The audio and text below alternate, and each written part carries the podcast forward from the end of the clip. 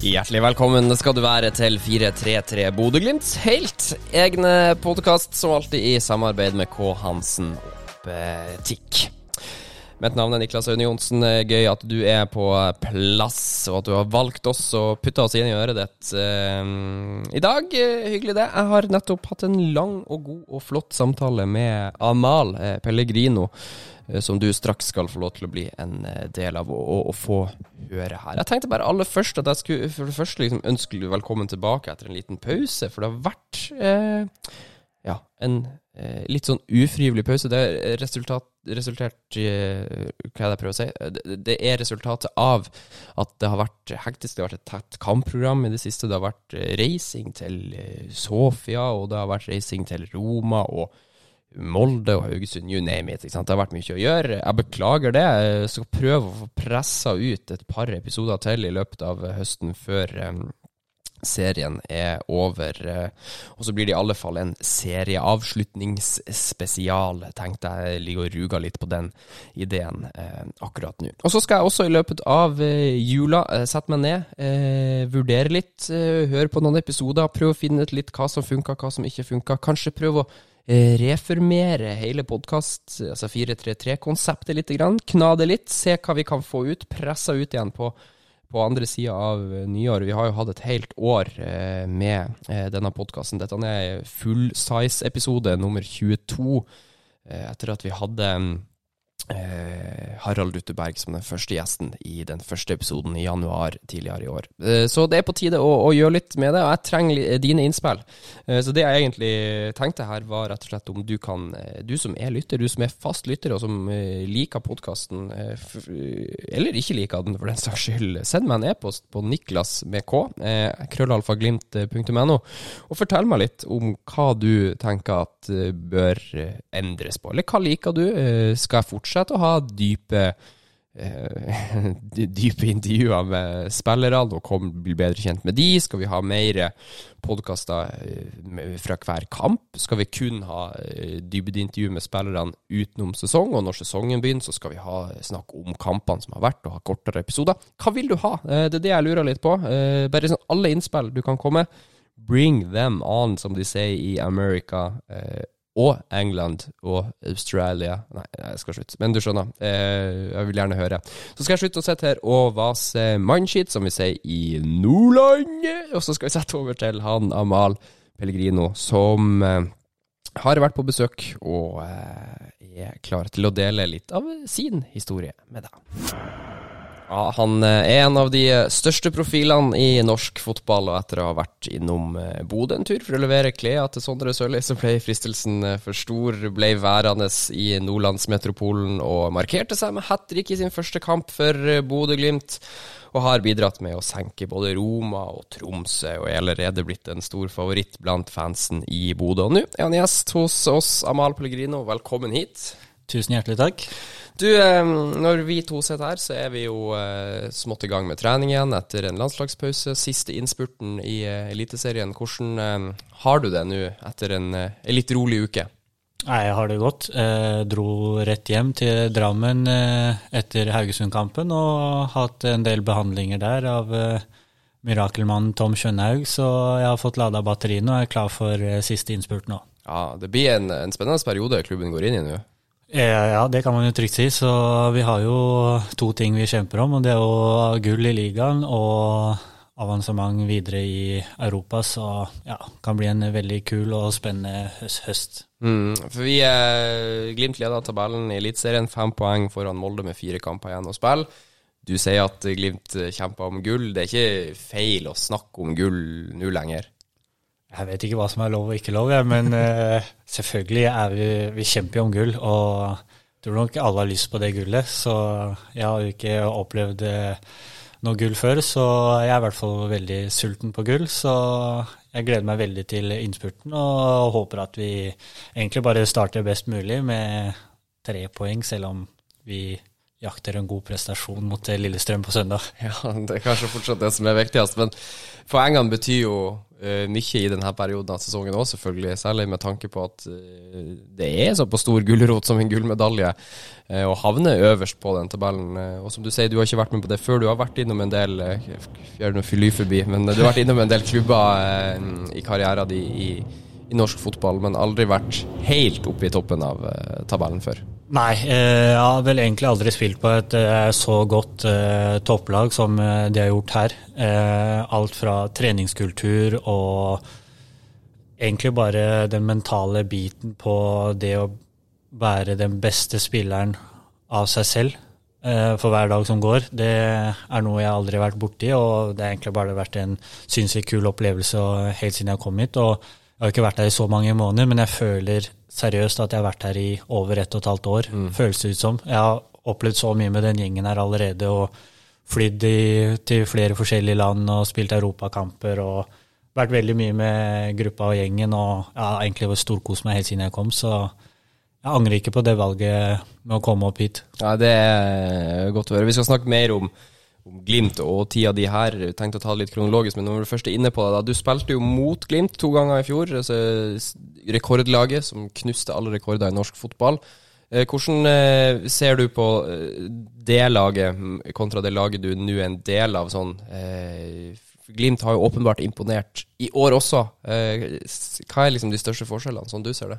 Største forskjellen er jo at eh, man har sitt spill, og man er tro til sin spillestil. Eh, uansett hvem man møter. Se jo vi møter eh, Om vi møter Haugesund eller Roma borte i Italia, så er det jo samme greiene. Eh, forsvarsspillerne har eh, ekstremt tro på si, sine kvaliteter og tør å spille, spille, sin type fotball. Og vi har ballen ganske mye mot et eh, ganske topplag i Italia. Og det er egentlig bare en sinnssyk opplevelse å ha vært med på noe sånt, og ikke bare ha vært med på et lag som på en måte har ligget dypt og håpa på noen dødballer og sånn, men jeg føler at vi virkelig ga dem en kamp. Og hadde ikke vært så ufortjent om vi hadde slått dem eh, på bortebane heller, så det, det er vel egentlig det jeg syns har vært eh, det kuleste er at eh, vi, vi, spiller vår type fotball uansett hvem vi møter. Ja, For dere er ikke redd eller engstelig bare fordi at motstanderen heter José Mourinho og Roma? Nei, eneste er at eh, vi er obs på deres kvaliteter, og så vet vi hva slags kvaliteter vi har innad i gruppa. og det er eh, deiligere å gå den veien og tenke mer på oss selv enn at vi skal ha det derre jaget om å tenke på at nei, vi kan ikke gjøre sånn fordi de er gode i det og det, mm. men at vi tenker heller på vår utvikling, vår prestasjon, og at vi spiller vår type fotball.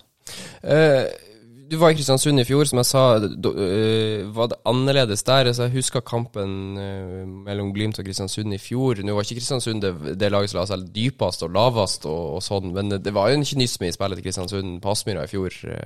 også, føler du at det er litt at det, at det er stor forskjell der, eller? Ja, det er jo veldig stor forskjell. Skal ikke jeg snakke ned Kristiansund. Kristian Mikkelsen er en ekstremt dyktig trener som er veldig flink til å ta kamp for kamp og eh, motstanderlaget, hvem vi møter, og på en måte spille på de strengene der, da.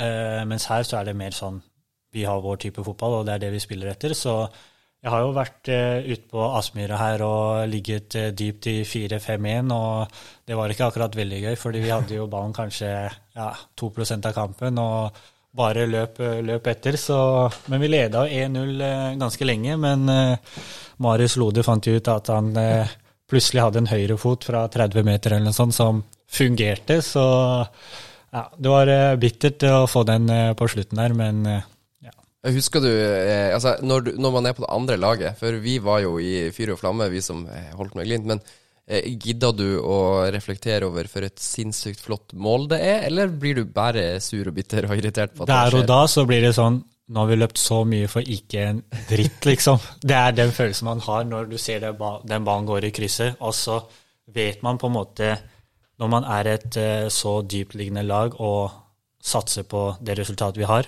og får den 2-1 i det åttende minutt, da er det ikke vi som på en måte har det neste giret. Det er Bodø-Glimt som har det. på en måte. De ja. har jo ballen, og de har jo på en måte mer energi og trøkk i spillet sitt enn det vi har da. Så lufta går jo veldig ut av motstanderlaget. Og du ser jo når vi spiller fotballkamper her på Aspmyra, så er det jo ja, Formasjonen virker jo som om det er eh, 10-0-0, eh, og alle er i egen 16, liksom. Men jeg forstår dem godt, fordi de møter et eh, sinnssykt eh, dyktig lag som har jobba ekstremt godt over lang tid. Og eh, når vi nå først er inne på det, så kan vi jo ta det òg. Det motsatte oppgjøret i fjor mellom Kristiansund og Glimt. Da skåra du noen mål nummer eh, 20 for din del eh, den sesongen, og hadde feiring med 20 under trøya. Men der òg så får man jo et slag i trynet av eh, et effektivt Glimt-lag på slutten av kampen. Du fikk noen eh, slag i trynet av de i fjor. Men jeg føler at eh, vi kanskje var det laget som ga de mest kamp da, over to kamper. Eh, den eh, 2-3-kampen på Kristiansund stadion, den eh, føler jeg egentlig kunne bikka begge veier. Eh, det tror jeg egentlig var en ganske kul kamp for en eh, vanlig tilskuer å se på. Det skjedde jo noe høyre og venstre hele tida der, så det var en sinnssykt kul kamp å spille. Og jeg husker etter kampen at jeg følte ok, vi ga dem virkelig kamp, liksom. Og det følte jeg når jeg sto ved intervjuboksen der, og Kasper Junke sa at eh, dere kunne like gjerne vunnet, liksom, for dere var gode. Så det var jo en litt sånn ja, litt grei følelse å ta med seg, fordi jeg følte vi hadde noe oppi der å gjøre, men så var vi ikke dyktige nok helt inn. Men eh, ja, det Glimt eh, gjorde i fjor, det er jo ikke vits å snakke om. Det tror jeg er snakka om nok, og kommer til å bli snakka om ganske mye. Ja. Ja, Da, da er det, nest, altså det er nesten sånn at på en måte, det å tape 3-2 er det beste man kunne, kan få til, på en måte. Nærmest. Så, så, sånn det var 3-2 og 2-1, det er bra resultater i forhold til hva mange andre klarte. det er helt sant. Du, eh, Amal, hvis vi, vi skal jo eh, prate en ca. en times tid, jeg vet ikke hvor lenge vi blir sittende her da, men eh, jeg tenkte prøv å skru tida litt tilbake. Du, eh, som fotballspiller på toppnivå, så kan man vel si at du har vært en litt sånn late bloomer. Eh, så du var ikke 16 år liksom når du slo gjennom i Eliteserien. Eh, vi har fått et spørsmål fra en lytter som vil inn på nettopp det. Så lurer på hva slags um, faktorer som har gjort at du slo igjennom til slutt, da, etter sikkert mange år med, med hard jobbing? Stort spørsmål. eh, ja. eh, det er jo kanskje mange temaer inn i det spørsmålet, på en måte. Mm. Men eh, første jeg kan si, er jo at eh, jeg var en gutt som elska virkelig den sporten her. Og jeg kunne sitte fra femte-sjette klasse på barneskolen og hadde allerede på en måte slutta på skolen. Mm. Men jeg var der, hvis du skjønner. Hadde det vært for moren min, så hadde jeg aldri vært på skolen. Nei. Men Du var der jeg hadde måtte. ingen fraværsdager, jeg kom alltid tidsnok, men jeg gjorde ingenting på skolen. Eneste jeg gjorde, var å sitte bakerst med en ball i beina og vippe på stolen og drive og trikse med ballen. Og hver gang læreren sa at jeg skulle følge med, så sa jeg liksom Jeg trenger ikke å følge med, fordi jeg har ikke noe jeg skal med skole å gjøre når jeg blir st stor, liksom. Ja, ja. Så jeg skulle bli fotballspiller, og det var på en måte Det var det jeg skulle, og det var ikke noe annet du kunne si til meg på den tida. Uansett hva du sa, så visste jeg hva jeg skulle bli, og det var fotballspiller. Så ja, det var vel det at eh, jeg hadde så stor passion for den sporten her, og det var det som gjorde at eh, jeg aldri ga opp, selv om jeg var 21 år og spilte i fjerdedivisjon Mm. i norsk fotball. Men når du da eh, har eh, brukt eh, ti år skolegang på å sitte på bakerste rad og vippe på ballen, eh, og så går det så lang tid før du får gjennombrudd, og du sier du er i fjerdedivisjon når du er 21 år, begynner du noen gang da å, å, å tvile på at du skal få det til, eller at du tenker sånn jeg burde ha fulgt med, med i mattetimen, for det her kommer ikke til å gå, eller var du hele tida eh, målbevisst og sikker på at du skulle få det til? Uh, jeg begynte å tvile, kanskje sånn 14-15 år. Mm. Når du begynner å merke at eh, ok, jeg er ikke med på sonelag, kretslag, eh, bylag eller hva det het på den tida der. Eh, blir ikke tatt med ut på de samlingene der, og man spiller på en måte ikke på de beste juniorlagene i Drammensområdet heller, så kommer det jo litt i underbevisstheten ja, hva skjer liksom? Er jeg ikke god nok og sånne ting? Men jeg hadde jo en fantastisk trener eh, i Rodney Lian som eh, tok, eh, ja, tok meg under vingene og trente mye med meg etter, eh, etter skole og etter treninger, og han var jo på en måte A-lagsspiller på Åskollen når jeg spilte på juniorlaget og hospiterte med A-lag og alt det der, så jeg hadde jo gode personer rundt meg som på en måte så potensialet i meg og så talentet i meg, og som ikke ga meg opp så tidlig. da. Fordi jeg vet at det, hvis jeg ikke hadde fått igjen noen ting med fotballen, noe tilbake igjen, så tror jeg det hadde vært lett å slutte. I hvert fall når du er så langt bak og har brukt så mye tid, og du på en måte føler du ikke får noe tilbake igjen. da. Men eh, var du eh, For du er jo åpenbart en god fotballspiller i dag, men var det sånn da at du eh, Hvordan skal jeg formulere det? At du egentlig var god nok til å være med på kretslag og sånn her, men ikke ble sett sånn du føler, eller var du rett og slett ikke eh, på det tidspunktet eh, en god nok fotballspiller til å få være med på moroa? Jeg har jo alltid hørt at eh, jeg er for tynn for å bli fotballspiller.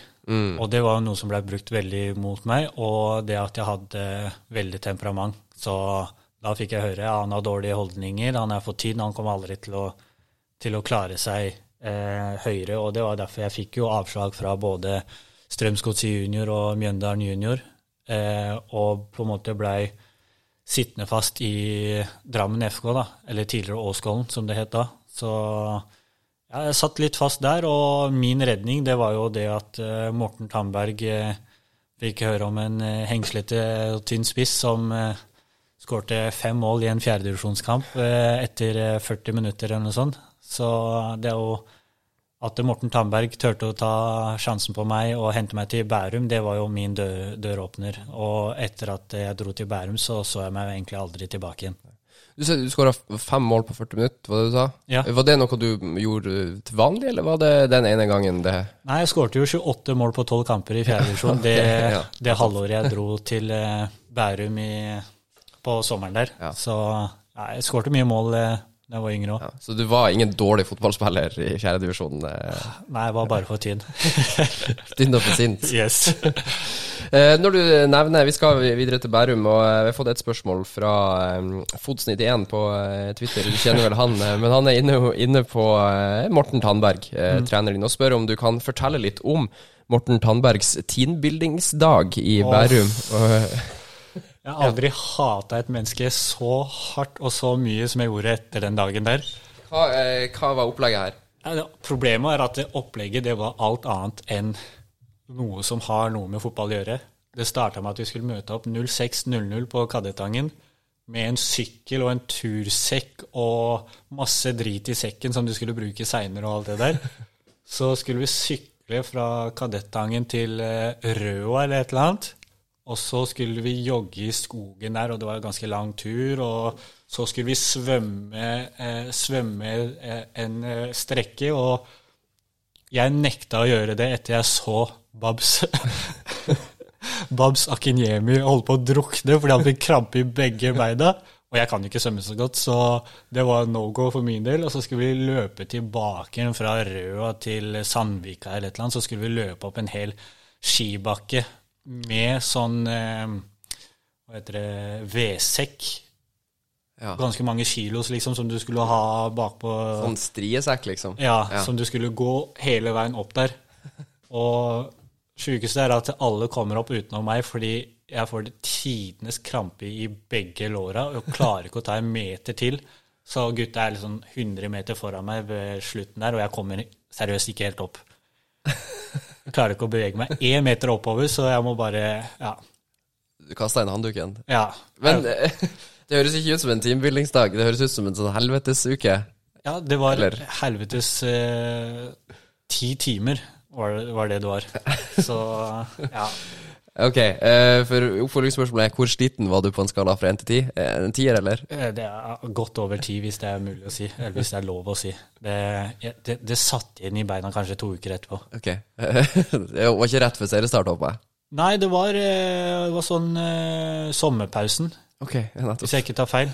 Og jeg mener at uh, den kampen etterpå så taper vi jo 3-0 eh, på hjemmebane, hvis jeg ikke tar feil. Og folka er jo helt ferdige.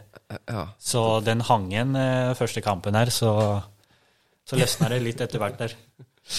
Uh, du, du sier at du aldri har hata et menneske så mye som akkurat den dagen. Men jeg skjønner at det er litt kjærlighet her til Morten Tandberg også, at han er en trener som har betydd mye for deg. Ja, Morten Tandberg er eh, en jeg har eh, jevnlig kontakt med, så jeg på en måte, det er to, to personer som jeg kommer alltid til å sette ekstremt stor pris på når det kommer til fotballen og, og det Ikke bare fotballen, men De, det er jo Morten Tandberg og Ronny Lian. Det er jo de som på en måte hjalp meg til å bli den fotballspilleren jeg er, og til å kanskje bli det mennesket jeg også blei.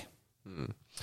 For, ja, eh, for jeg opplever, Du sa jo i stad også at du, liksom, folk sa at du var aggressiv, hadde dårlige holdninger. og Nå har ikke jeg kjent deg så lenge, men sånn som jeg kjenner deg, så får ikke jeg det til å stemme helt med det inntrykket jeg har av deg. i alle fall. Så har, det, har du utvikla det, eller er du bare god på å skjule det? eller hva, Hvordan henger det sammen? Jeg tror det handler mer om at uh, jeg hata å tape. Mm. Verdens dårligste taper.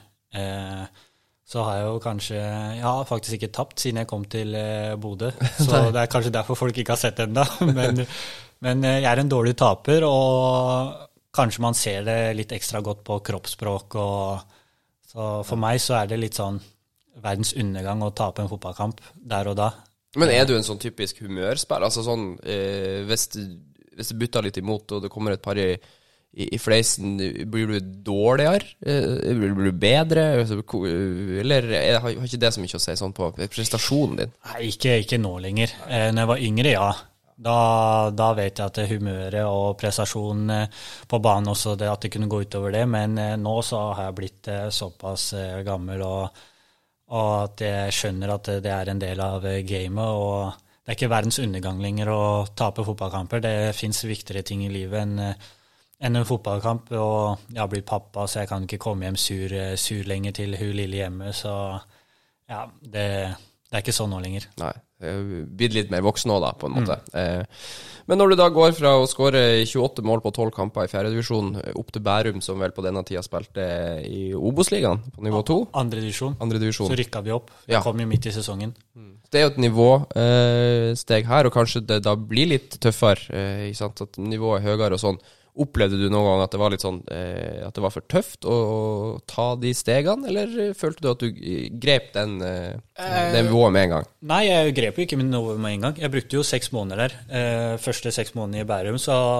startet jeg én kamp, tror jeg, av eh, 15 kamper. Så eh, man merka jo stor forskjell på nivået fra fjerde til eh, andre divisjon. og jeg kom jo til på en måte ganske det ble jo på en måte Fotballen ble jo førstepri i livet. Du går fra å trene klokka, klokka seks på kvelden til eh, ett-to hos Bærum, og der kom du jo til eh, dekka bord, på en måte, med klær som blir vaska etter trening og alt det der. Det var jo noe jeg ikke var vant til.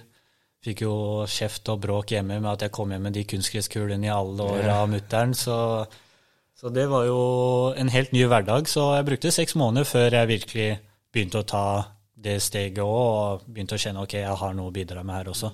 Og da gikk også laget opp, da? For du ja. gikk opp på første forsøk, så når du følte at du var klar til å ta nivået, så gikk laget opp på et enda høyere nivå igjen. Eh, mm. Og så Brukte du noe tid da, eller var du liksom med fra starten? i Nei, jeg var med fra start, eh, men jeg spilte jo ikke min beste posisjon. Jeg spilte jo høyre kant, eh, men jeg skåra jo åtte mål på 25 kamper, og, men vi rykka jo rett ned igjen. Dette var i 2012, stemmer det? Det kan stemme, ja. ja. Jeg husker, Var du med eh, i første serierunde der mot Bodø-Glimt i 2012? På Kaddetangen? Eh, ja, stemmer. Bodø-Glimt var ute etter Marius Lundemo den tida. hvis jeg ikke tar Ja, det stemmer. Ja. Sånn, de ryktene jeg har hørt, i alle fall. Ja. Men at det ble 3-3, eh, eller 3-2 eh, Vi leder Nei, eh, dere leder 3-0. Eh, ja, eller 3-1 i hvert fall. kom ja. to mål helt på tampen etter ja. at Glimt gikk for kort corner på overtid to ganger på rad. ja, men ja, jeg husker den kampen. Og det var jo når vi fikk 3-3 mot Bodø-Glimt der, så følte jo vi at ja, ok, vi har, dette kommer til å gå bra. Ja. Men uh, det var jo etter den 3-3-kampen det gikk veldig dårlig, så burde du kanskje ikke tatt poeng i den kampen der. Nei, en av de mest irriterende Glimt-kampene jeg har sett, ja. uh, fra tribunen i alle fall. Men uh, ja, jeg husker ikke så veldig mange andre detaljer, annet enn at Badou, senegaleseren som ble mm. storstjerne her, debuterte vel Glimt i den kampen med scoring. Eh, det, det, jeg husker, og de to irriterende målene ja. til Bærum på slutten der. men eh, Obos-ligaen og, og, Bærum eh, altså Dere rykka ned, sier du, men for, deg, for, din del, eh, hvordan opplevde du den sesongen? Var det en liten eh, et lite bevis på at det du har sittet på bakerste benk på skolen og drømt om, eh, var i ferd med å gå i oppfyllelse, eller hvordan jo, det opplevde du det året? det ble jo det, for folk begynte jo å tenke ok, nå har han jo spilt Obos-ligaen og har gjort det ganske greit. og Det er ikke lenge etterpå så ble jeg invitert på prøvespill i Lillestrøm. Mm. Og da var det jo sånn, det ble jo stor headline i Drammensområdet, så og da ville jo både Mjøndalen og Gods også ha meg over på prøvespill, og da var det jo da var det jo på en måte OK, nå har jeg bevist at eh, jeg har noe her å gjøre. Så fikk jeg på en måte eh, bevist at eh, de har tatt feil, og at jeg har egentlig hatt rett. Og det tror jeg jeg har på meg selv, har på en måte lønt seg med all den egentreninga jeg har gjort i alle år og, alt sånt. Mm. Kanskje vanskelig spørsmål å svare på, men tror du at hvis, hvis vært, veien hadde vært enklere for deg i starten La oss si at Gods eller Mjøndal hadde sagt selvfølgelig kom på juniorlaget vårt, så du hadde fått ting litt mer sånn servert. Hadde eh, du vært en like god fotballspiller i dag, da? Eller tror du at den motstanden rett og slett har, har egentlig vært eh, bra for deg, da? Jeg, jeg, jeg, jeg, tror jeg setter veldig stor pris på all motstand jeg har fått eh, hele livet, egentlig. Fordi at eh, det har eh, gjort meg til den personen jeg er, eh, sterk mentalt og alt sånn. Og på en måte alle nedturer som har kommet, har jeg klart å takle på en veldig bra måte. Eh, jeg merka jo masse kompiser som var i Strømsgodset og alt sånn, som fikk A-lagskontrakt når de var 14-15 år. Det er jo ingen av dem som spiller toppfotball nå. Det er jo meg og Keita som er igjen fra 90-kullet, som har på en måte gått litt sånn hard og kranglete vei. Så, så jeg tror kanskje det at eh, jeg fikk en litt tøffere vei enn alle andre, gjorde at eh, jeg på en måte kom så langt som jeg gjorde. og ja. Mm. Og så vet man jo aldri hva som hadde skjedd hvis det, det, det hadde vært en lettere vei, eh, selvfølgelig. Eh, kunne du jo vært i Real Madrid nå, for alt vi vet, men eh. Man vet aldri, men det kunne også gått den andre veien. Ja. Valget ditt etter Bærum falt i alle fall på Lillestrøm. du gikk dit og debuterte i 2014-sesongen. Mm. Eh, så da hadde du vært med Bærum et år ned igjen i andredivisjon, da. Eh, og, og, så gikk vi opp igjen. Så, så dro jeg til Lillestrøm på sommeren. Ja. Hvordan opplevde du å, å komme opp i eh, Tippeligaen, som det heter på den tida? Eh, det var jo på en måte en drøm som gikk i oppfyllelse. Så for meg så var det OK, eh, nå er jeg her, og det er her jeg har kommet for å bli.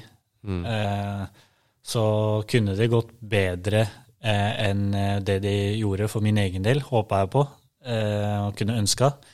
Så det var jo et år der hvor ting var ganske tungt og brutalt, og man følte at man ikke fikk noe igjen for å for all strevet og all slitet man hadde vært igjennom. Og, så ja, det var, var en tøff periode for meg selv. Og Realiteten her er vel eh, at du blir henta til Lillestrøm av Torgeir Bjarmann, som er en slags sportssjef eh, på denne tida, og, og litt, sånn jeg har lest meg opp til, litt uten om trener. Eh, ja, når... det var mest Simon Mesfin og ja, Torgeir okay. Bjarmann, de ja. to som hadde sett en del kamper, og det visste jeg jo, fordi jeg så dem jo ofte på Gadettangen når vi spilte kamper. så men jeg trodde jo det var litt mer connection enn det jeg fikk, vi, fikk vist og sett uh, i seinere tid, uh, mm. til hovedtrener. Så når du kommer dit på stadion og han ikke visste at jeg engang signerte, da, da, følte jeg at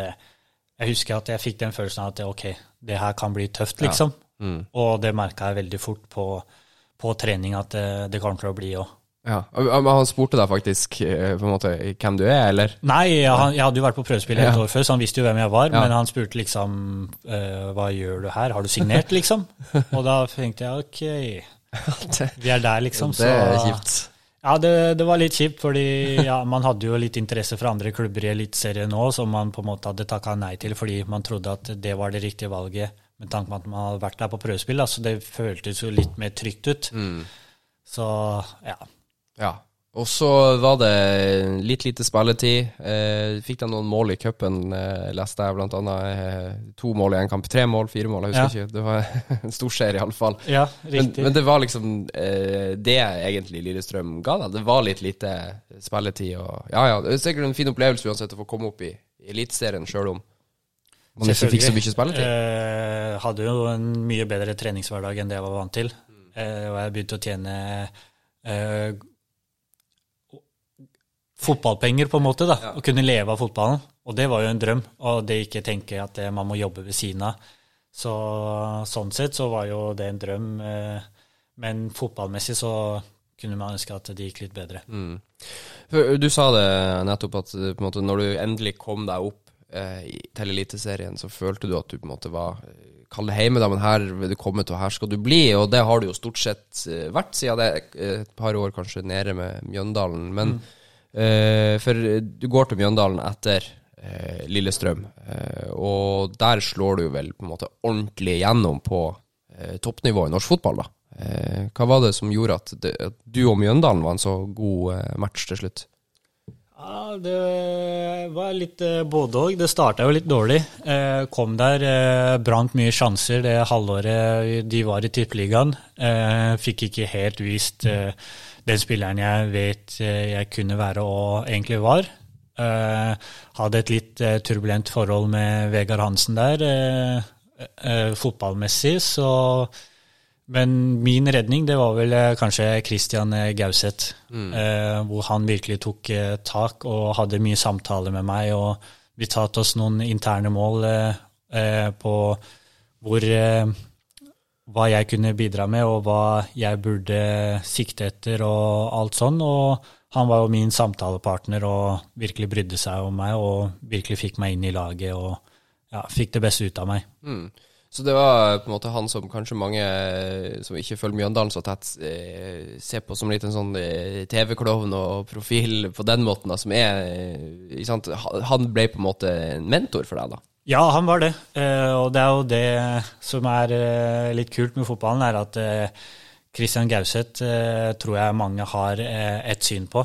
Mm. Men det er veldig mye mer enn det man ser i intervjuer og hvordan han er på fotballbanen eh, i det mennesket der. Han er egentlig en eh, veldig god person som eh, bryr seg om alle rundt seg. og ja, så for min del så var han gull verdt. Mm. Vi har faktisk fått et spørsmål fra Sara Martinussen, eller Martinussen Sara, som hun kaller seg på Instagram, om Mjøndalen. For hun spør om hvordan det var å spille for Mjøndalen under innspillingen av Alle gutta, som jo er dette TV-dokumentaren som fulgte Mjøndalen tett det året i eh, Eliteserien der. Første året dette vel? Ja, jeg har jo en utblåsning jeg er på, på den alle gutta-greiene. Så jeg føler jo at eh, når man på en måte hadde blitt kvitt det der eh, badass-stempelet, så kom jo det veldig fort eh, tilbake igjen, hvor jeg har en krangel med fysioen der. Eh, og har en eh, disputt med Vegard, og det er jo en av mine første dager i klubben, så ja, okay. det var jo ikke den beste starten, det. Så så det var eh, Jeg følte at det, eh, for Mjøndalen og folk i Mjøndalen så var det sikkert veldig bra, bra for dem, men eh, for klubben eller for, for det de viste på banen, så syns jeg det tok mye energi. Ja. Eh, og at det blei litt feil fokus kanskje der og da. Eh, negativt å ha TV-kameraene hengende over seg. I hvert fall 24-7. Ja. Eh, gutta hadde innspilling til eh, 11 på natta der, og det regna og skulle Ja, det var masse ja. greier som uh, tok mye tid, og ja, det blei ble mer sånn derre morsom greie ut av det enn at fotballen på en måte hadde hovedfokus, syns jeg, mm. der og da. Men eh, Mjøndalen kom jo litt opp fra intet. Liksom, den sesongen der kom opp i eh, Tippeligaen. Gikk, eh, gikk, jo Mjøndalen ned igjen på første forsøk, da. Eller det, heter jo ikke det, men rykka ned igjen mm. første sesongen oppe. Men for klubben som jo i ettertid har etablert seg som liksom i, verste fall øvre delen av Obos-ligaen, da, så har vel kanskje denne dokumentarserien betydd noe for at folk har åpna øynene for Mjøndalen, og at kanskje partnere og sponsorer mm. og den der type ting, men eh, ikke for laget. Selvfølgelig, det er sikkert mye positivt med, med det her, men jeg følte at eh, det var eh, mye kvalitet egentlig i hele perioden jeg var i Mjøndalen. Mye mer kvalitet enn det man fikk vist ut på, på banen. Mm. Så jeg føler at de hadde enda et steg inne som man kunne fått, uh, fått ut. Mm. Så Så etter eh, du du kom dit, hadde en liten utblåsning på TV med fysio og hovedtrener. eh, Litt tung start, et nedrykk i, i første sesongen. Og så har du gode og fine samtaler med Christian Gauseth, og så begynner ting å løsne. Husker vel, hvis jeg ikke tar helt feil, i Obos-ligaen 2017, eh, Glimt var nede igjen, så husker jeg jo at eh, du ofte var på skåringslista til Mjøndalen. Så det har jo skjedd noe her eh, fra du var i Lillestrøm og til da, da.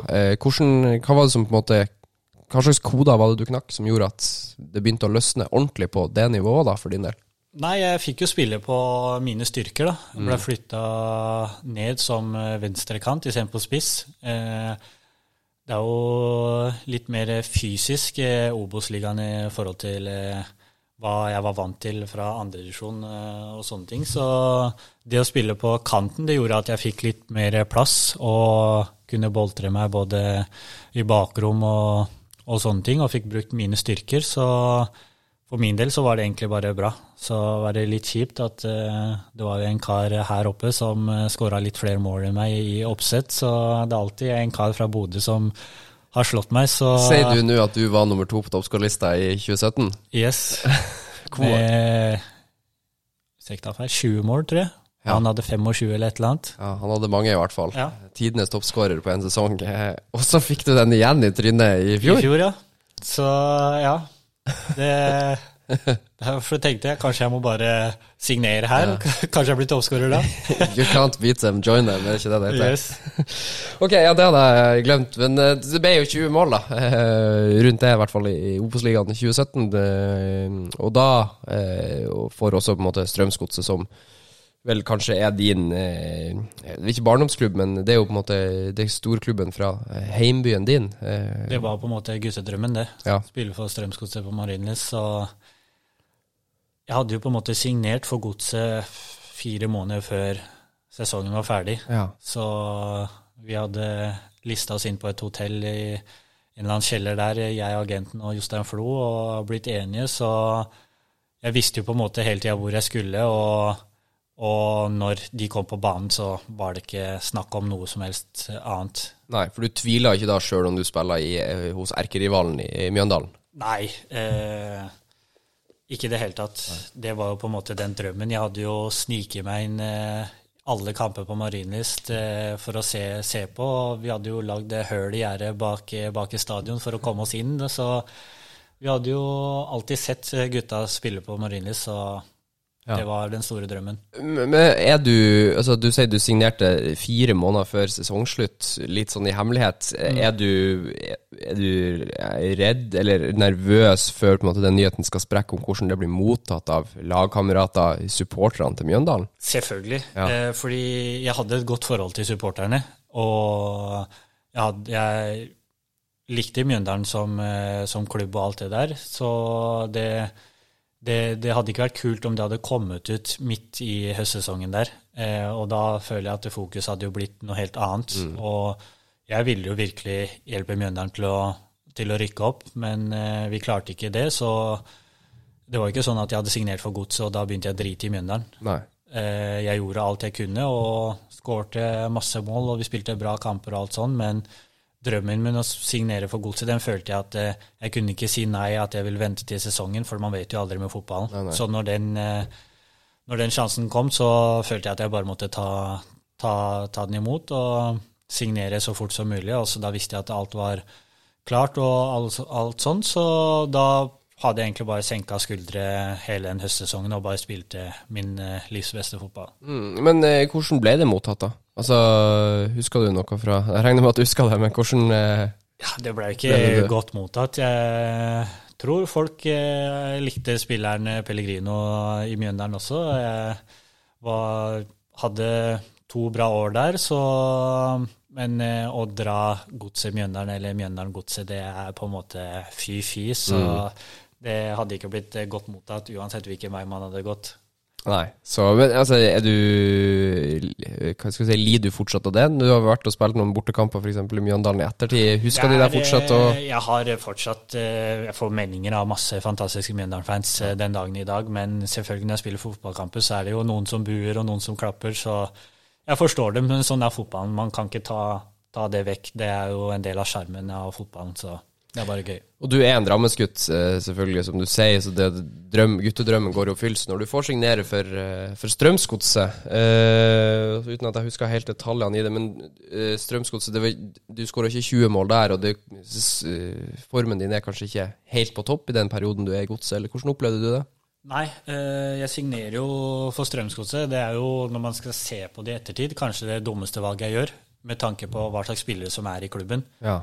Eh, vi har fire fantastiske fotballspillere som alle kjemper eller har lyst til å spille venstrekant. Det var jo meg, Tokmak, eh, Ulland Andersen i Molde og Basel Gerradi som nå er i Kypros. Mm.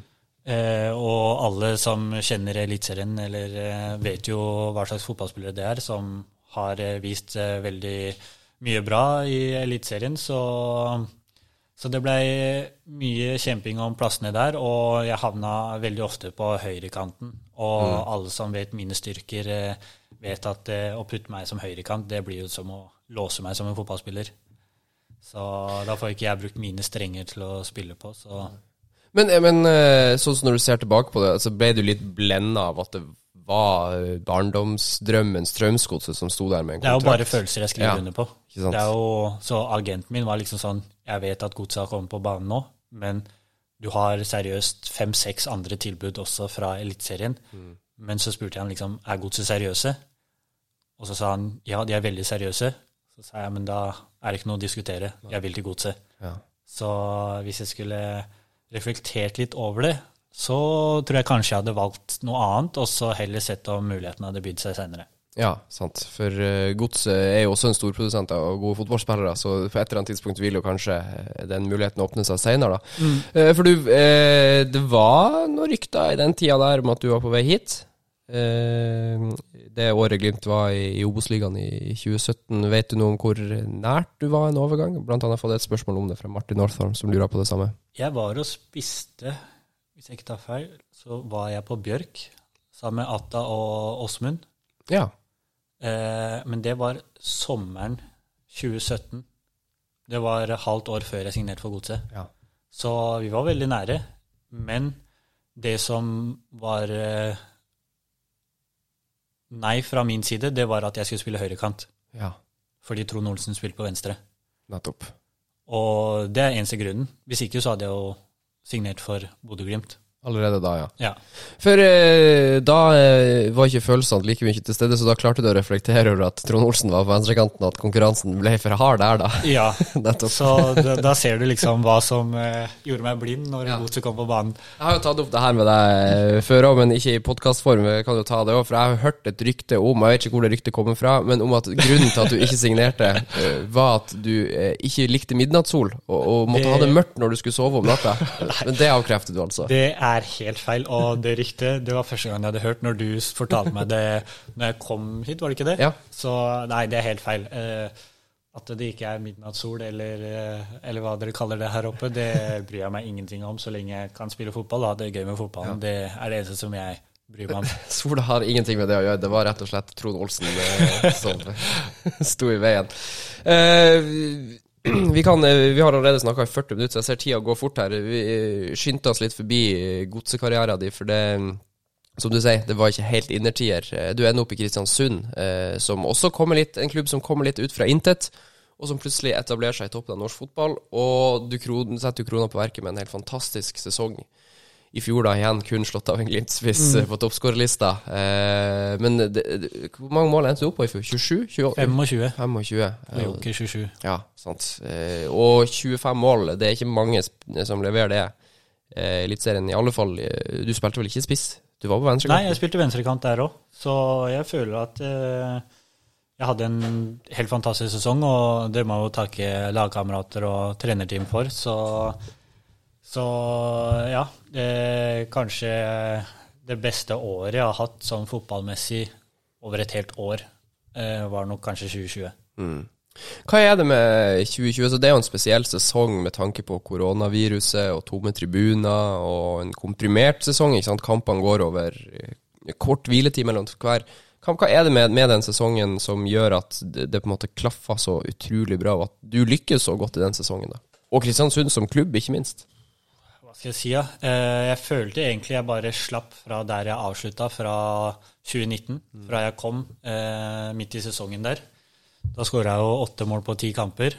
Og så fikk jeg jo en eh, alvorlig skade i håndleddet som gjorde at jeg var ute i fire-fem måneder fra fotballen. Så jeg rakk jo så vidt sesongen. Hadde det ikke vært for korona, så hadde jo ikke jeg rukket seriestart. Nei, sant. Da, da hadde det ikke blitt 25 mål. Nei, så jeg må jo takke korona sånn sett. Men selv om det var sinnssykt kjedelig å spille fotball på tomme tribuner, og du har din eh, livs beste sesong og ikke får den eh, boosten fra fansen, det, det var kjipt. Eh, selv om det ble åpna for to og 600 en periode, men det var ikke det samme. Men for min del så var det egentlig bare det jaget jeg hadde for å komme ut på fotballbanen igjen etter den, min første alvorlige skade sånn sett. Det var første gangen jeg ikke kunne bidra i en eh, fotballkamp. Det var de to siste seriekampene i 2019 som vi møtte dere her eh, og Godset hjemme, mm. som jeg ikke kunne være med på pga. skade. Så mm. var det det at jeg ikke fikk trent noe særlig oppkjøringa heller, fordi at eh, bare det å komme i bevegelse gjorde at det pumpa sånn i hånda at eh, det føltes ut som hånda at jeg skjærte i hånda, liksom, så det gjorde så vondt. Så du kunne måtte... nesten ikke være i fysisk aktivitet i det hele tatt? Da. Nei, så jeg trente jo bare core og sykla litt for det meste. Så ja. jeg var jo nesten ikke i bevegelse. Jeg var med til Spania og ja, så å si solte meg, liksom. Så ja. det var eh, de kjedeligste månedene jeg noen gang har vært borti. Så når jeg fikk endelig snørt på meg fotballskoa der og kunne spille fotball igjen, da, da hadde jeg blitt enig med meg selv om at jeg aldri skulle se meg tilbake igjen, og mm. det følte jeg at jeg ikke gjorde heller. Nei, det kan man jo si. Og, altså, 25 mål uh, det, er jo, det, er jo, nesten litt synd, da. Sånn at Er det bittert at det er én uh, som klarer å akkurat slå deg når du på en måte leverer uh, 25 mål hadde du toppskåret de siste 100 sesongene i Eliteserien, og ja. akkurat det året så er det en annen som Er det bittert, eller er det Nei, selvfølgelig der og da. Eh, etter kampen er ferdig, så er det jo bittert. Mm. Eh, så, men når man ser på sesongen i, sett under ett, så er det jo fullt fortjent eh, at det er en fra Bodø som tar den toppskårertittelen. Og Junker hadde vært helt fantastisk. Han var jo skada en liten periode, og etter han kom tilbake igjen, så så han, han seg aldri tilbake igjen, han heller. Så jeg følte når han skåret hat trick i siste seriekamp borte mot Haugesund, så følte jeg ok, det, jeg tror det røyk der, liksom. Ja. ja for du lå foran han eh, vel nesten hele sesongen? Helt i siste serierunde. Ja. Så hadde han 24 og jeg 25. Sant. Så spiller han kamp tre dager før oss pga. korona. Ja, ja, nettopp. Eh, at kampen blir utsatt. Så vi spiller 22.12. istedenfor som dere 19. eller ja, noe sånt. Stemmer det. Så når han skårer hat trick der, så følte jeg ok, nå kommer det til å bli vanskelig. og Haugesund kommer til å gjøre alt for å ikke få enda en sånn, sånn kamp, liksom. For dere hadde Haugesund i siste? Ja. Nettopp. ok, ja. Uh, så det var litt uh, skrevet i stjernene da inn mot den siste serierunden at det, det ja. kom til å bli vanskelig? Det, det var det, og jeg merka det veldig på kampen også. Ja. Og, de gjorde det vanskelig for deg litt sånn ja. bevisst, da? Ja, jeg merka at jeg ble jo nesten mannsmarkert okay. og ble fulgt overalt. og det var ikke snakk om at jeg skulle skåre. Men blir det ikke litt sånn uh, uansett løpet av sesongen, etter hvert som du på en måte skårer mål, og, og, og, du som uh, altså Jeg nevnte i introen her at du er en av de største profilene i Eliteserien, og det ble du jo litt i løpet av 2020-sesongen. Mm. Uh, blir ikke motstanderne mer oppmerksom på deg og vil gjøre det vanskelig? Jo, man merka det jo i noen kamper, men jeg følte alltid at eh, en fotballkamp varer i 90 minutter. Mm. Så hvis du sover i ett minutt, så følte jeg at eh, det lille smutthullet det gjorde at jeg var i en sånn flytsone. At eh, hvis de på en måte slappet av lite grann, så, så, grep jeg sjansen. Og det var egentlig sånn hele 2020 var. så det var liksom Ballen kunne havne på 30 meter, og jeg tok den ned på kassa og bare skøyt, så kunne den havne i krysset, liksom. Mm. Så følte jeg kunne skyte fra alle kanter, og at ballen gikk inn i mål. Så den flytsonen jeg hadde i 2020, den uh, hadde jeg sagt ja takk til uh, alle dager i hele uka. ja. Det har vært en utrolig deilig følelse? Ja, selvfølgelig. Det, det var sinnssykt gøy å spille eh, fotball i 2020, men det var bare kjipt at vi ikke holdt helt inn og kunne kjempe om den siste europaplassen. Eh, etter eh, 2020-sesongen så er det et utenlandseventyr som venter på deg. Du signerer for Dakmak i eh, Saudi-Arabia. Eh, så kommer du tilbake til Norge etter et halvt års tid eh, uten at vi egentlig vet så veldig mye om hva som skjedde i Saudi-Arabia. Kan du fortelle litt om opplevelsen din av å spille fotball der? Jeg signerer jo kontrakten hjemme på kjøkkenet, og den blir jo sendt dit, og det er jo alt i orden. Mm. Så idet jeg flyr ned, så blir jo treneren som henter meg, sparka. Ja, nettopp. Så når jeg kommer fram der og signerer liksom siste papir og har tatt legesjekken, og treneren kommer inn der og ser meg, så nekter han å håndhilse på meg. Og Den er nye treneren, altså? Det er den nye treneren, ja. Ok. Så jeg var på en måte Holdt på å banne. Jeg var jo på en måte kjørt før jeg hadde starta. Ja, ok. Før jeg hadde trent med laget, så var jeg på en måte kjørt, da. Ja. Fordi han ville jo ikke ha meg, og han ville hente sine egne spillere. Eh, Men Var han sånn mot eh, de andre som hadde vært en del av laget før du kom òg, eller kun deg som var ny? de, bare de som var nye, fordi Ja. der nede så er det jo business, vet du. Så trenere, de har på en måte De henter sine spillere og tjener jo på en måte penger på det, ikke sant. Okay. De får jo penger for å hente sine egne spillere. nettopp. Sånn sign-on-fee og så, sånne ting, ikke sant. Så, de, er- de, de er både trener og agent? ja, Ja. så de på en måte har jo sin cut i avtalen, da, fra Nettopp. agentene. Så at han ikke fikk henta sin spiller, gjorde at han ble sur, og da hadde ikke han noe med meg å gjøre. Så jeg var ikke hans spiller. Nei. Men du, altså, du er helt fullstendig fryseboksen, har du, for du har jo spilt noen kamper der nede. Ja, jeg spilte noen kamper, men Ja. jeg hadde ikke en eneste samtale eller håndhilse på han på seks måneder. Nei, mener du det? Ja, det, jeg blei introdusert av eh, teammanageren. Ok. wow. Eh, Men eh, hvordan er det da å skulle spille for en trener? Hvis vi, hvis vi trekker sammenligning med landslaget nå, da Mathias Nordmann sier at spille for Ståle Solbakken, du vil gå i krigen for han, gjøre alt for han. Vil du det for en trener som ikke er interessert i å ta deg i handa, eller hvordan Nei, men det er jo kanskje det du ser da på stats og, og det jeg leverte der nede. Eh, du får jo ikke det beste ut av en spiller som vet at han ikke er en del av laget, på en måte. da. Du føler jo ikke at du er det. Men eh, ja, jeg fikk eh, veldig masse gode kompiser der nede, og sånn sett, det gjorde jo at ting på en måte gikk greit. Og så dro jeg jo ned fordi at det, det var en bra pakke. Så jeg måtte tenke kynisk og tenke at det, det er verdt det, uansett hva som skjer. Og så må jeg bare holde ut, og så får vi se om vi kan gjøre noe til sommeren. Fordi jeg gidder ikke å, holde, å, å være her bare fordi at det er godt betalt. Nei, sant. Da drar jeg heller hjem igjen og, og finner en klubb i Norge og på en måte trives med fotballen. Fordi først av alt så er jeg en fotballspiller, men når jeg fikk den sjansen, så tenkte jeg mer fremtidsmessig, på en måte.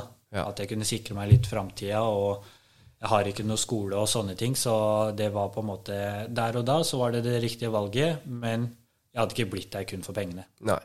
Så eh, det åpna seg da åpenbart en mulighet til å, å reise hjem igjen. Eh, kontrakten blir terminert, eh, sånn som vi har hørt historien i alle fall. Og så er du på en måte ferdig med det og, og Saudi-Arabia og, og kommer hjem, og så ender du opp i Bodø. Eh, og for en For et halvår å være en del av Bodø-Glimt på.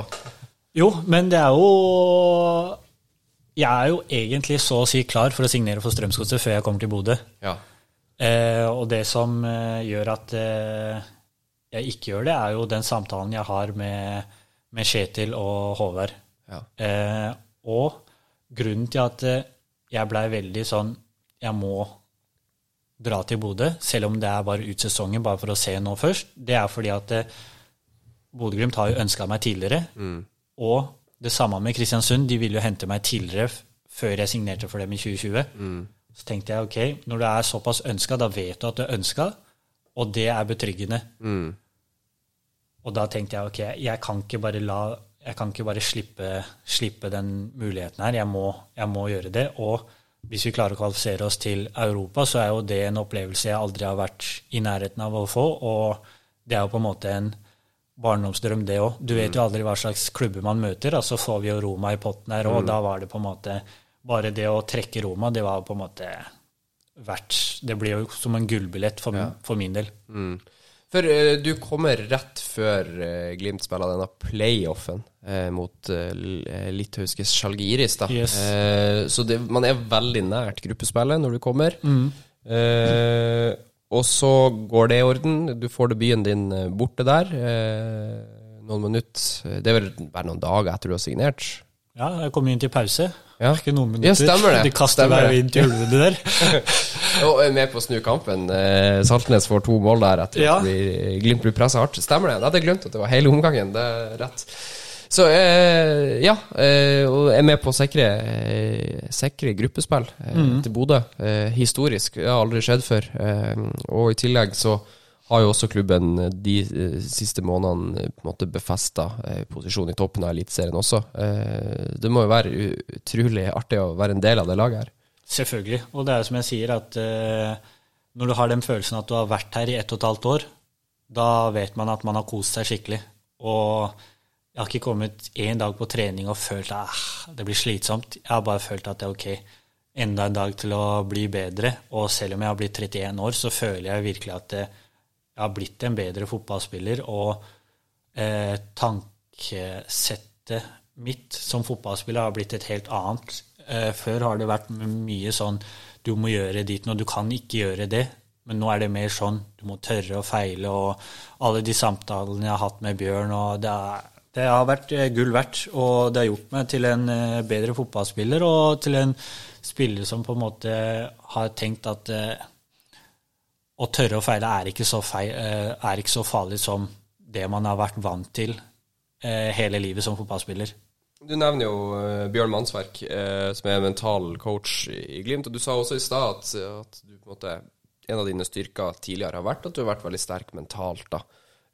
Føler du at han har gjort deg enda sterkere mentalt, eller er det mer en sånn der han bare fin greie å, å ha noen å prate med? Nei, det har vært veldig fint å ha noen å prate med, men eh, det er mer det der å ufarliggjøre eh, enkelte situasjoner på en fotballbane, og det med at hvis du feiler én gang, så må du på en måte overkompensere neste gang for å gjøre det enda bedre. Det er jo på en måte en tankegang jeg har vært vant til, på en måte. Mens nå er det sånn du kan tørre å feile én, to, tre, til og med ti ganger, men fortsatt så er det ikke noe farligere enn at eh, du gjør ditt beste og på en måte bare prøver igjen. Og det, der føler jeg at eh, vi i Norge har mye å lære av fra Bodø-Glimt. Eh, vi skal snakke eh, selvfølgelig litt om, om eh, opplevelsen du hadde mot Roma her og borte der, tenkte jeg. Bare før vi glemmer helt av Debuten din i Eliteserien for Glimt mot gamleklubben Kristiansund. hadde du noen gang i din villeste fantasi forestilt deg at du skulle skåre tre mål mot gamle lagkamerater på hvor mange- 17 minutter? Er det du bruker? Nei, eh, aldri, aldri i livet at jeg hadde håpa eller fantasert at jeg skulle skåre. Men når jeg satt på tribunen der, og jeg så at det, det var en litt sånn der stang ut-kamp, og at vi ikke satt sjansene, så var jeg 100% sikker på at jeg kommer til å bli matchvinner. Jeg tenkte ok, det blir 1-0, og at jeg kommer til å score. Ja. Men eh, at det ble 3-0, det var litt eh, det villeste laget for, for min egen del òg. Ja, for du de to første målene er ganske like. En retur som detter i føttene dine rett fra Ja. mål, og du tepper den over streken. Eh, Så, det er ikke sånn at du, du vrir deg inn og køler den i krysset, men det er nå du som er der. Eh, Det er litt, det er litt typisk, da, for, for gamle lagkamerater. Ja, det eh, er alltid sånn. Man skal alltid passe ekstra godt på spillere som har vært i klubben og, og sånne ting. Så, men eh, jeg hadde jo aldri noe vondt eh, med Kristiansund, så at det skulle gå så bra, det, det var jo det var litt kjipt å se gutta henge så med hodet etter kampen der. Eh, man følte jo litt med dem, for de følte Kristiansund leverte en veldig god kamp. Og de hadde noen store sjanser der som de kunne skåret på. Jeg føler de kunne leda, leda lenge før vi skårte. Så, så jeg tror de følte at eh, de blei veldig hardt straffa etter at jeg kom inn. Ja, det ble de jo òg. Roma også ble hardt straffa Bodø-Glimt her. Det er jo en kamp vi Det er jo ikke så lenge siden vi snakka fortsatt om det. Det kommer vi sikkert til å gjøre i 100 år. Det var en helt sinnssyk opplevelse med fullsatt Aspmyra og, og Bodø-Glimt-Roma eh, 6-1. Eh, Hvordan opplever du den kampen der? Den 6-1-kampen, hva er det jeg opplever da? Første omgang, da føler jeg at det, det her er sinnssykt kaldt i starten. For det den vinden som eh, holdt på utpå her da, og jeg så Roma-spillerne være så kalde, så tenkte jeg ok, det er ikke bare meg, det er faktisk så, så surt her. Men når vi får det første målet eh, via Patrick der, Botheim som skåra det første. Botheim, ja, Ja. og det andre med Patrick, og da, da føler jeg bare det, det er gåsehud fra topp til tå eh, hele, hele denne omgangen. Selv om de skårer 2-1, så føler jeg liksom vi er såpass mye bedre at mm. det her kommer til å bli stygt for dems del. Ja. At det skulle bli 6-1 stykk, det, det, trodde jeg ikke, men jeg tenkte ok, vi kommer til å skåre i hvert fall ett til. Ja, og, ja for du, du, følte det ute på banen? At ja, jeg, jeg følte jo liksom Uansett om de skåra 2-1, så følte jeg at det var vi som styrte hele showet, og ja. de har jo ikke noen sjanser Uh, utenom et par cornere som vi får klarert uh, ganske trygt, uh, føler jeg. Så jeg er ganske sikker på at vi kommer til å vinne uansett. Mm. Og, og, det stoppa jo ikke. som du sier, det, det blir 6-1 til slutt. Du skåra 5-1-målet. Jeg skårer 5-1-mål, ja. Botheim ligger på bakken og spiller deg gjennom. Og, og ja, altså, det, er jo, det, er jo, en sånn kamp hvor alt går vår vei. Ja. selv om det ikke hadde trengt det. vi hadde nok vunnet uansett, men ja, Det ble jo ganske brutalt eh, for dems del at eh, de slipper inn 6-1 der, og ble jo greit latterliggjort eh, rundt om i hele verden, så Deilig å være en del av det, da? Ja, selvfølgelig. Og det er jo en dato jeg kommer til å huske veldig godt, og den kommer nok til å bli tatovert et eller annet sted på kroppen. Ja, det er godt å høre. Det er bra at det betyr så mye. For, for ja, som du sier, vi snakka om det.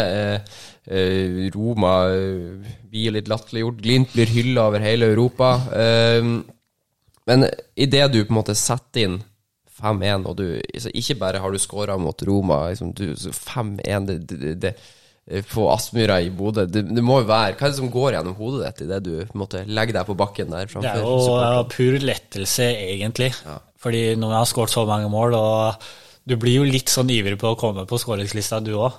Og jeg hadde jo jeg vet ikke hvor mange billetter jeg hadde. Jeg tror jeg hadde 18 billetter som folk hadde flydd fra Drammen eh, hit for å se på fotballkampen. Så det betydde jo litt ekstra da når man har så mange på tribunen. Ja. Selvfølgelig, det er jo fullsatt, men eh, familie og venner kommer hele veien opp hit. Da, da vet du at eh, det er ikke bare jeg som kommer til å huske det. Det er jo alle kompiser og familie og alt sånt som også kommer til å huske den kampen der. og det var eh, veldig hyggelig å dra på Bjørk og spise en pepperoni-pizza med, med, gjengen etter det. Ja, det er vel kanskje den mest fortjente pepperoni-pizzaen. Ja. det er jo bra. Det er helt rett å feire med italiensk etter en eh, ja. sånn kamp. eh, bortekampen i Roma òg, eh, det blir nå 2-2, og så resultat, det er et sterkt resultat. Men i Glimt er man jo først og fremst opptatt av prestasjoner. Det er også en veldig god prestasjon og en i hvert fall for min del, en opplevelse for livet med tanke på 1500 Glimt-supportere på tribunen. Et fantastisk trøkk fra heimefansen, fra bortefansen. Mm. Og så blir det en så utrolig artig og underholdende fotballkamp i tillegg. Eh, fortell litt om, om det, det, du opplever rundt den kampen. Det første, første, som slår meg, er jo at du kommer ut der. Du vet jo, når man kommer til en stadion, så går man jo alltid og kjenner på gresset selv om man har trent der. Mm. Man går alltid ut eh, har en liten chat med gutta, står litt i sirkel. Men det første som treffer oss, er jo alle supporterne er jo inne allerede mm. og synger. Og det her er nesten to timer før kampstart? Ja, og bare når du snakker om det, så får jeg gåsehud, liksom. Ja. Det var så sinnssykt bra stemning før kamp og, og, alt det der. Og det er ganske sjukt når hjemmefansen driver og buer bortefansen under hele oppvarminga mm. fordi at de lager såpass mye liv. Og så andre som fikk meg til å liksom Dette her er wow. Det er når Roma-fansen begynner å synge den sangen rett før kampstart. Mm. Da er det høylytt. Det var vilt, faktisk. Og da tenker jeg bare Da ble jeg sånn Wow, det her er stort, ass.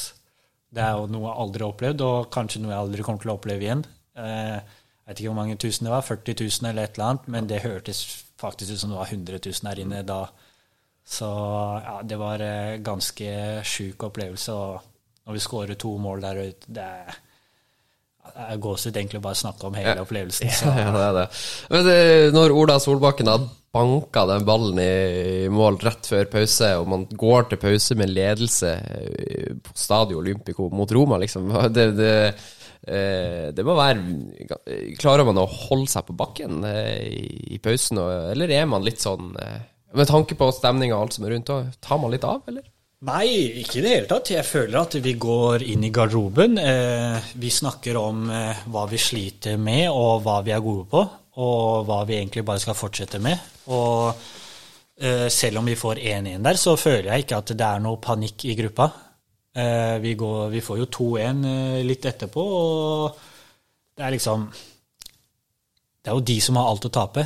Vi, vi, vet jo hva vi kan gjøre, og vi føler at vi er et, et såpass godt fotballag at vi kan ta med oss både tre og ett poeng herfra. Så eh, jeg tror ikke folk hadde Eller kanskje én person som hadde vært eh, veldig uenig i at eh, det ikke hadde vært fortjent at vi hadde fått med oss. Det var vel José Mourinho, som eh, mente at de var klart best og ble snytt for både det og det. og alt sånt, men Han mangla litt bakkekontakt, han tror jeg, etter kampen. Ja, mye bakkekontakt. Så han lå jo og kava ute på matta der en liten periode hvor han henta ball der. og Så var det mye humis derfra. Men ja, den opplevelsen og den prestasjonen vi leverer der på Stadio Olympico, det, det mener jeg er fullt fortjent, og ja, vi kunne til og med tatt med oss tre. Mm. Det var en, en vill opplevelse, og eh, fortsatt to kamper igjen eh, i Europa og fire kamper igjen i Eliteserien. Glimt, du, dere toppa tabellen eh, både i Europa og her hjemme, så det er en spennende høst vi skal inn i nå. Ja, veldig. Så det blir godt å komme til gangen og få spilt noen fotballkamper igjen. Skal ha ett spørsmål til fra meg før vi skal dra litt gjennom lytterspørsmål helt på tampen her. For nå er det Lillestrøm, det gamle klubben din, førstkommende søndag, før vi har CSK Sofia hjemme på, på torsdag. Billettsalget er åpent. Hvor viktig er det, sånn du ser det, og at det er masse folk på tribunene? Jeg tror nok folk ser hva det gir oss. Det gir oss en enorm energi. Du ser jo den første kampen i gruppespillet mot Soria, ja. hvor det er maks av det som er tillatt. Du ser jo hvor mye energi man får av bare det. Og etter det så har jo det på en måte blitt åpent for fulle tribuner, så, så man må ikke tenke seg om to ganger hvis man har lyst til å komme på kamp, Nei. fordi det gir oss en enorm energi. og og det at vi har noe å spille for med direkte avansement med førsteplassen der, det, det, i seg selv bør jo fansen tenke at ok, her er det bare å komme og støtte gutta. Ja, det er mulig å kjøpe billetter altså på glimt.no til begge kampene, og også til Brannkampen, den siste heimekampen i Eliteserien i år, 5.12. Du, det har kommet en god del lytterspørsmål til deg i dag. Uh, vi kan ta et uh, spørsmål fra Thomas, som lurer litt på uh, For Han har lagt merke til at etter at han Ulrik Saltnes gikk ut med skade, så har målpoengene dine gått litt grann ned. Nå skåra du jo tre mål i første kampen, så det er kanskje litt sånn mm. urettferdig å, å sammenligne. Sånn. Men følte du at relasjonen din Spørsmålet er altså relasjonen din til han Ulrik, da. hvor viktig den var før skaden hans? Uh, ja, jeg kan forstå spørsmålet, og jeg har hatt uh, faktisk en samtale med Åsmund akkurat om det i dag. Mm. Uh, så vi var inne på ganske mye av det spørsmålet der. Så jeg og Ulrik, vi, jeg syns vi klaffa veldig godt. Og, og, vi spilte hverandre gode på det vi er gode på. Og, og Morten Konradsen er jo en annen type spiller, så nå har vi på en måte en annen streng å spille på. Eh, så dem er jo to helt forskjellige fotballspillere. Så skal ikke si at det er kun pga. Ulrik, men eh, at det kan være noe i det, det kan, eh, kan det godt være. Mm. Men ja, vi har, har, en god fotballspiller, Morten Konradsen også, så og du er sulten på flere målpoeng i de siste seks kampene, regner jeg med? Ja, men det folk ikke forstår, er at jeg vil heller skåre fem mål og vinne gull og, og, gå videre i Europa, enn å skåre fem og sju mål og ikke vinne gull og ikke gå videre. Så for at eh, jeg bryr meg ikke så mye om tall så lenge vi vinner fotballkamper. Ja. Så selvfølgelig så er man jo litt sånn statscoat og sånne ting, men det er ikke det viktigste for min del. Nei, men det er godt å høre.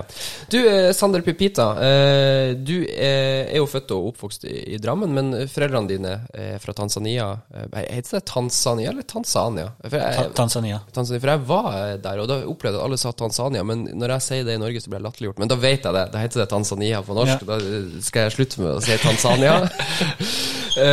Spørsmålet er uansett om du har noen gang vurdert mulighetene for å spille fotball i Tanzania? Ja, egentlig siden 2015. Ja. Uh, men problemet er at det er ikke lov med dobbeltpass i Tanzania. Så Nei. da må jeg gi fra meg det norske passet. Og det er altså, ikke Som fotballspiller, eller som inn, altså, du har ikke lov til å flytte dit? Eller hvordan Jeg må bytte fra norsk til Tanzanias pass. Jeg kan bare ha ett pass Ja, For å bo der, liksom? Nei, for å spille for landslaget. Ja, ok, sånn, ja. Og med tanke på at eh, det er her jeg er fra, og det er her jeg kommer til å bo, og når jeg har fått barn i tillegg, og alt det med reising og sånne ting, er mye mer tungvint når man ikke har norsk pass. Eh, og ambassaden er jo i Sverige, og man må dra helt dit da for å få visum og sånne ting. Så har jeg lagt den ballen egentlig død helt til ja, det kanskje åpner opp for dobbeltpass. Ikke sant. Så det er det som har stått litt i, i veien for deg, da. Ja, så jeg har jo hatt jevnlig samtale med dem de siste fem åra, tror jeg. Mm, ok, ja.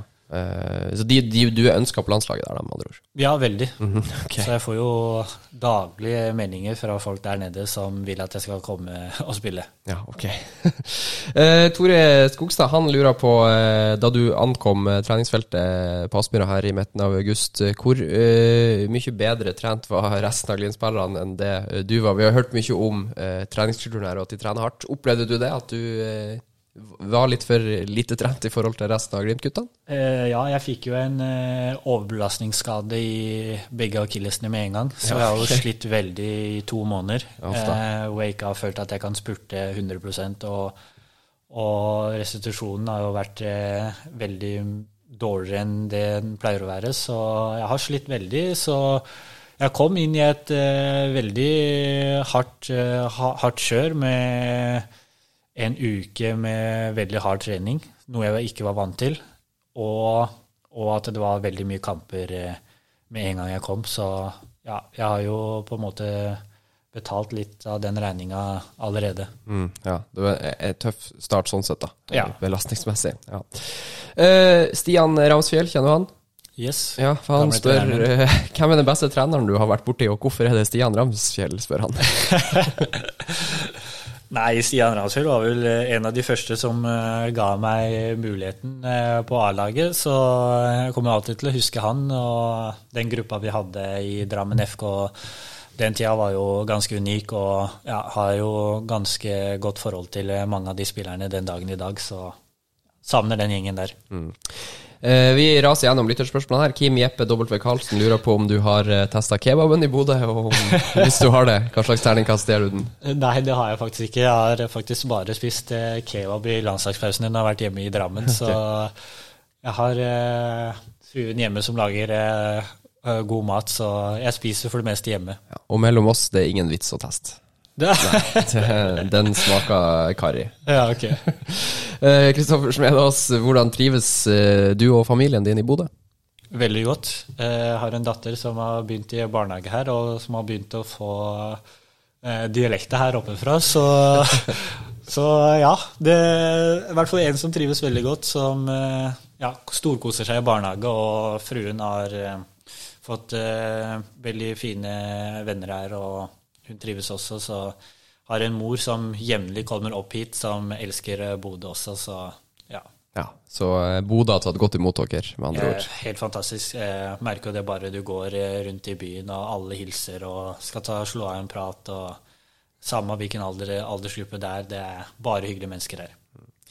Du, eh, neste spørsmål her eh, fra eh, Sofie BF, som lurer på eh, hva som er den beste kampen du noen gang har spilt?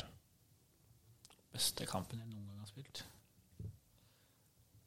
Det var et uh, vanskelig spørsmål. Kanskje veldig. Burde vært forberedt på det på forhånd, kanskje.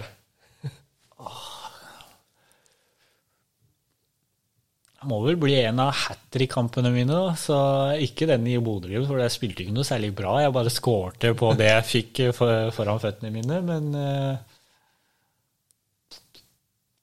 Nei, det var et vanskelig spørsmål. Ja, vi, vi, vi sier pass på den, da. Ja. Ja, rett og slett.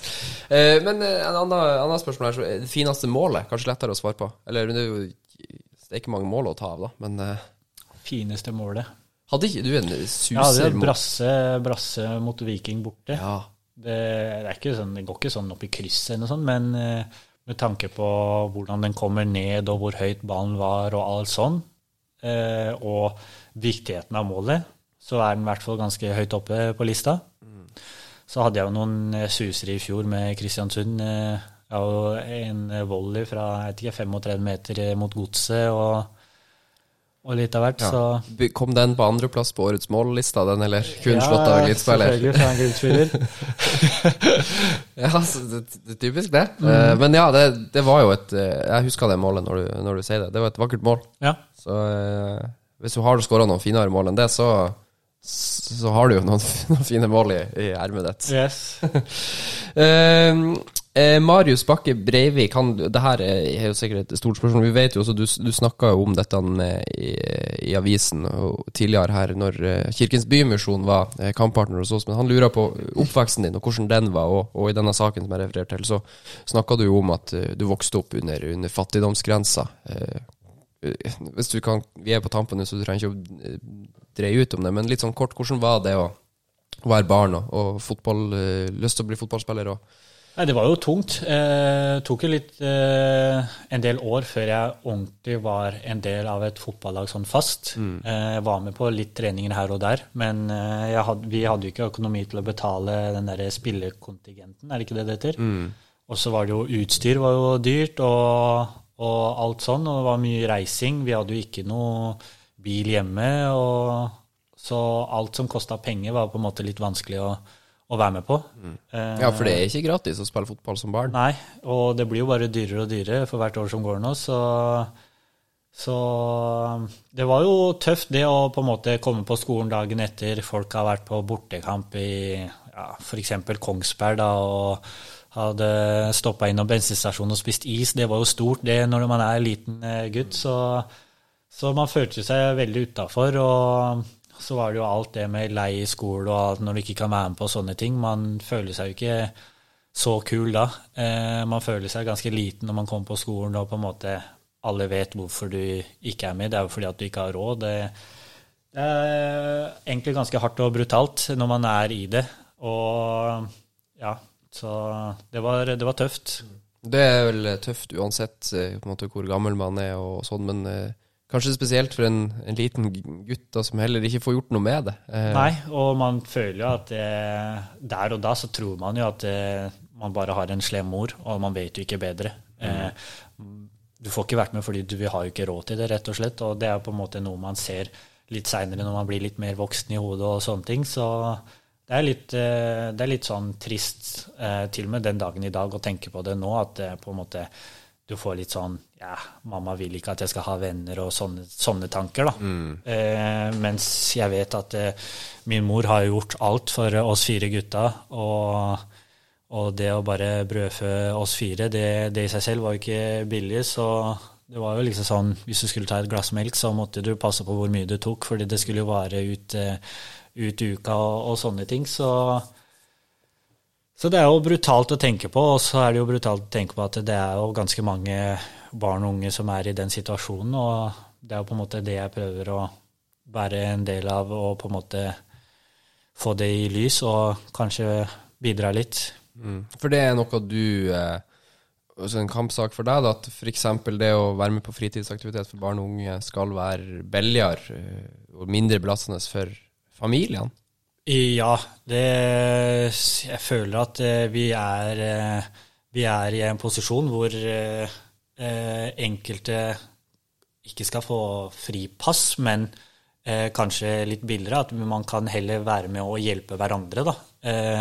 Sånn som klubber også kan være flinkere til å på en måte se disse greiene, og så kan heller man spørre foreldre da, er det noen som har på en måte en femtilapp ekstra som man kan være med å å hjelpe til med. Liksom, hvis ti stykker har en femtilapp ekstra, det er jo 500 kroner, og det kan jo kanskje bety at en gutt kan være med på en, eh, en fotballcup i Danmark, eh, eller eh, må være hjemme. Og den fotballcupen i Danmark er kanskje den første ferien den lille gutten noen gang har hatt utenfor Norge. Så, og det husker jeg var jo helt helt sinnssykt for min del når jeg var med første Dana Cup der og kunne være med og spille fotballcup i utlandet. Så det har mye å si.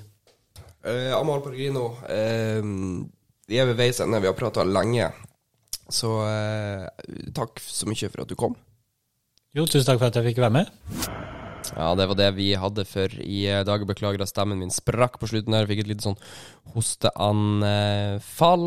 Husk igjen, da, som vi var inne på her, kjøp billetter til kampen mot Lillestrøm førstkommende søndag. Det er Sofia-kamp 25.11, som det også går an å kjøpe billetter til. Og så ikke minst serieavslutninga eh, på hjemmebane. Så siste hjemmekampen for 2021 mot Brann 5.12. En kamp vi ikke vil gå glipp av. Og hvem vet hva som skjer i den kampen? Billetter det finner du på glimt.no. Dagens eh, podkast ble presentert av eh, Bodø Energi, som eh, oppfordrer deg til å lade bilen din om natta, for det er da strømprisene som oftest er på det laveste. Vi Skal bare finne rett lyd her. Ok, jeg er klar. Vi snakkes.